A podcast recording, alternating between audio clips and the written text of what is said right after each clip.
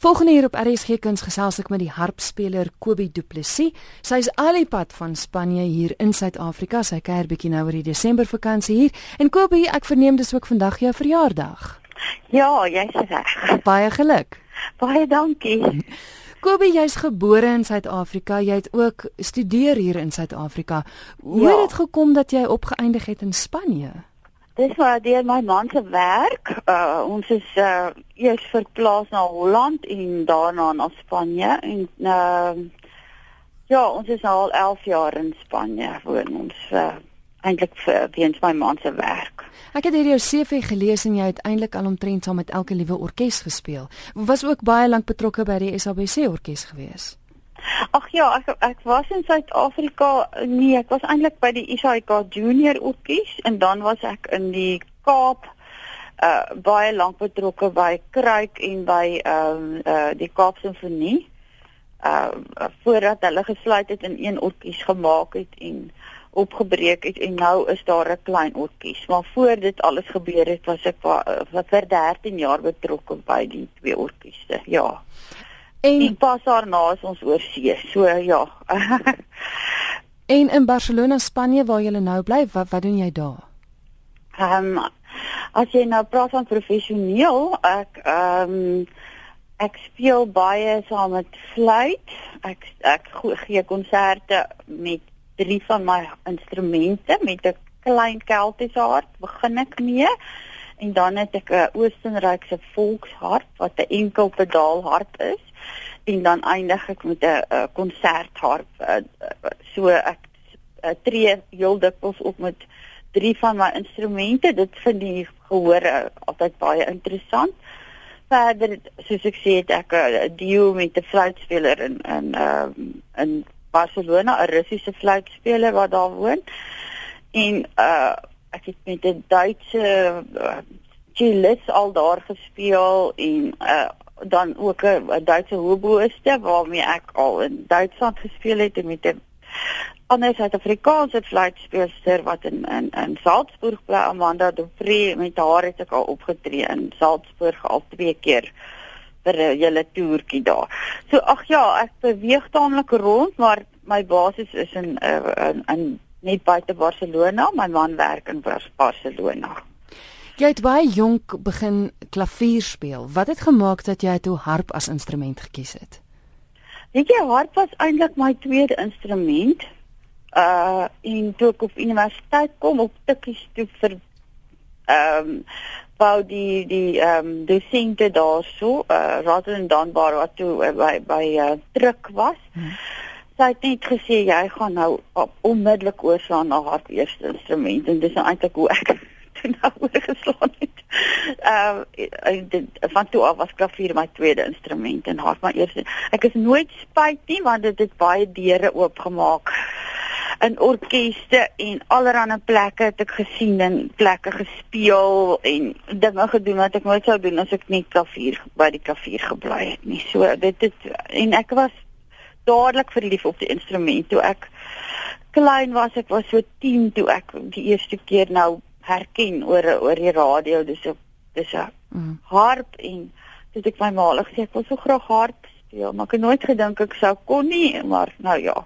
Gelukkig net daarna kon ek het ek wel begin, maar soos ek sê in die begin was dit nou net vir die lekkerte.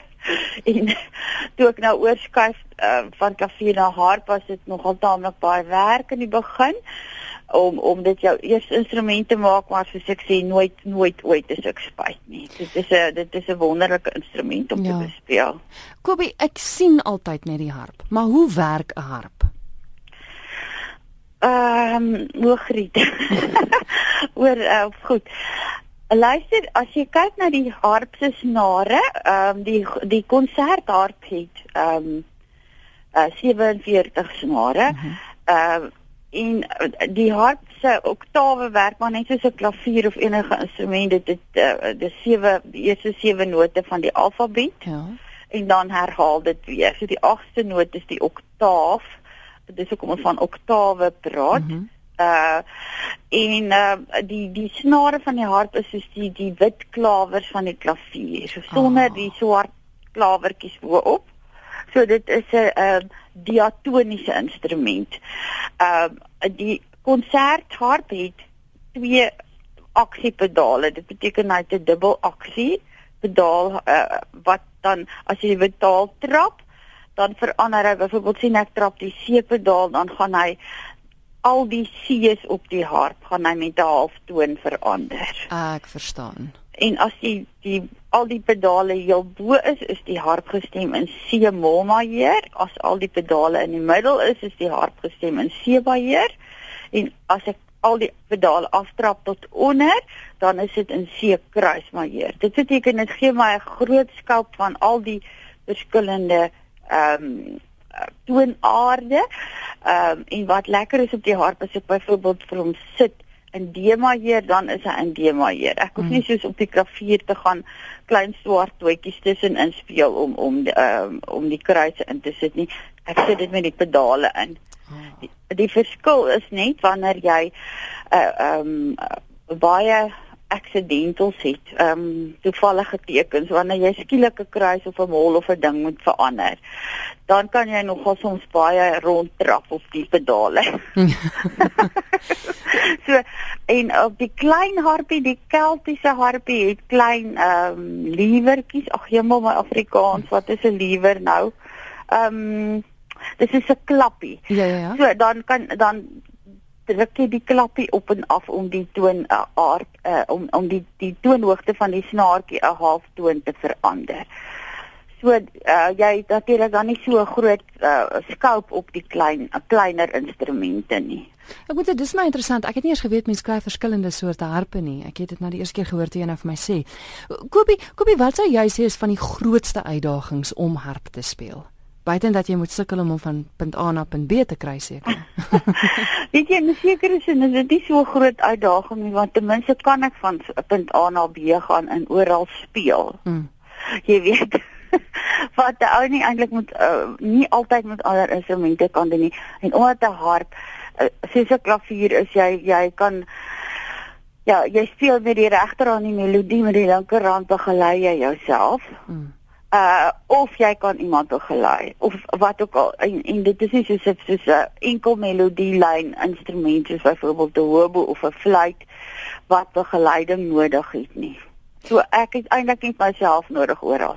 Ja, Goed, 'n groot ja. uitdaging uh, ek sou sê een van die groot grootste uitdagings van jou is om die die uh die die pedaal aksie te kombineer met die jy weet met alles anders jy weet uh, om om om om te speel en te uh, weet waar se die pedale en waar om om dit te verander.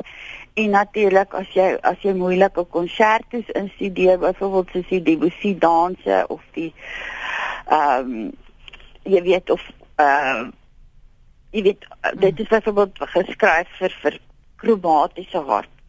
En om en daar het jy soms in in een maat vyf pedale om te verander. Daar gaan ek nogal soms woes. So dit is 'n groot uitdaging, maar ek is byvoorbeeld verskriklik lief vir die devosie danse en dit is daarom hou ek van uitdagings. Ja.